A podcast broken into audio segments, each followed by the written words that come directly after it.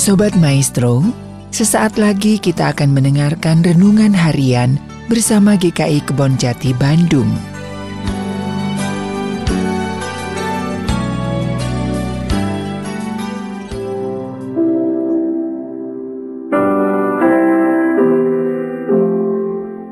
Salam sejahtera jemaat yang dikasih Tuhan. Bertemu lagi dalam renungan harian GKI Kebon Jati dan bersama saya Agus Gunawan, kita akan sama-sama membahas satu tema tentang hidup dan matiku bagi Tuhan.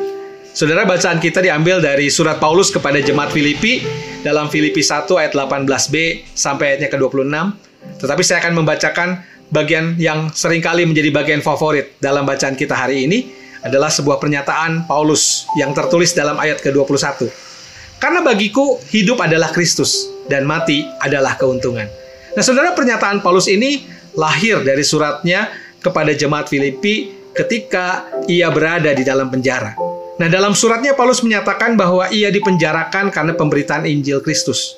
Saudara Paulus tidak gentar meskipun ia harus berada dalam penjara dan harus mati karena pelayanannya. Bagi Paulus, saudara, kesudahan semuanya itu adalah keselamatan yang terus didoakan oleh jemaat yang mendukungnya dan juga pertolongan dari Yesus Kristus seperti tertulis dalam ayat ke-19. Bahkan kalau kita membaca lebih lanjut Saudara, jika Paulus boleh memilih, ia lebih memilih untuk pergi. Dalam hal ini konteksnya adalah dalam kematian. Untuk kemudian dia meyakini dia akan bersama-sama dengan Kristus. Dan kemudian kematian Saudara bagi Paulus adalah jauh lebih baik. Mengapa demikian Saudara? Karena Paulus tahu kematian adalah bagian dari perjumpaannya dengan Yesus Kristus yang selama ini ia beritakan. Nah, saudara dalam bagian lain misalnya Paulus menyebutkan imannya tersebut dalam suratnya kepada Timotius murid yang dikasihinya dalam 2 Timotius 4 ayat 6 sampai 8. Dia mengatakan mengenai diriku, darahku sudah mulai dicurahkan sebagai persembahan dan saat kematianku sudah dekat. Aku telah mengakhiri pertandingan yang baik. Aku telah mencapai garis akhir dan aku telah me memelihara iman.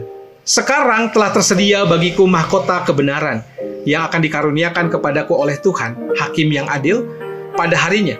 Tetapi bukan hanya kepadaku, melainkan juga kepada semua orang yang merindukan kedatangannya. Nah, saudara, dalam pernyataan ini Paulus tidak takut mengalami kematian.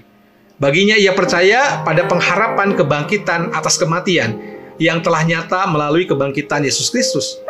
Bahkan Paulus menuliskannya dalam pengajarannya seperti tertera dalam 1 Korintus 15 ayat 20 dan 22. Tetapi yang benar adalah Kristus telah dibangkitkan dari antara orang mati sebagai yang sulung dari orang-orang yang telah meninggal. Karena sama seperti semua orang mati dalam persekutuan dengan Adam, demikian pula semua orang akan dihidupkan kembali dalam persekutuan dengan Kristus. Nah, saudara, meskipun Paulus siap untuk menyongsong kematiannya, Paulus sadar bahwa kematiannya belum tiba oleh sebab itu, keberanian Paulus menyongsong kematian juga sama dengan keberanian Paulus untuk tetap menjalani kehidupan, bahkan di tengah penderitaan sekalipun. Paulus menyatakan bahwa jika aku harus hidup di dunia ini, itu berarti bagiku bekerja memberi buah. Jadi mana yang harus kupilih? Paulus mengatakan tidak tahu. Bagi Paulus, saudara, pada akhirnya soal kematian atau kehidupan adalah bagian dari misteri Allah yang dua-duanya ada dalam kuasa dan kehendak Allah.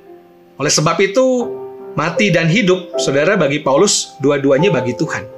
Dalam kesempatan kehidupan dari Allah, itulah kemudian Paulus menyatakan bahwa ia tetap akan melayani bersama-sama dengan jemaat. Dalam penderitaan, Paulus masih mengingat jemaatnya dan berharap mereka tetap bersukacita cita dengan melihat teladan Paulus dan juga tetap semakin maju dalam melayani Yesus Kristus. Nah, saudara Paulus juga berharapan bahwa ia akan bersama-sama lagi dengan jemaat entah melalui kehidupan atau kematian. Persekutuan jemaat dalam Tuhan tidak bisa dipisahkan oleh kematian sekalipun. Oleh sebab itu dalam pengakuan iman kita sering menyatakan aku percaya pada persekutuan orang kudus. Itu mau menyatakan bahwa baik yang hidup maupun yang telah mati kita berada dalam persekutuan orang-orang kudus. Oleh sebab itu saudara, mari kita belajar untuk memberikan seluruh hidup kita untuk berkarya bagi Tuhan. Karena bagiku hidup adalah Kristus dan mati adalah keuntungan. Dan ini akan menjadi moto kita di dalam menjalani kehidupan di dunia ini dan sampai saatnya kita berjumpa kembali dengan Tuhan yang terus kita layani dan kita beritakan. Tuhan memberkati kita. Amin.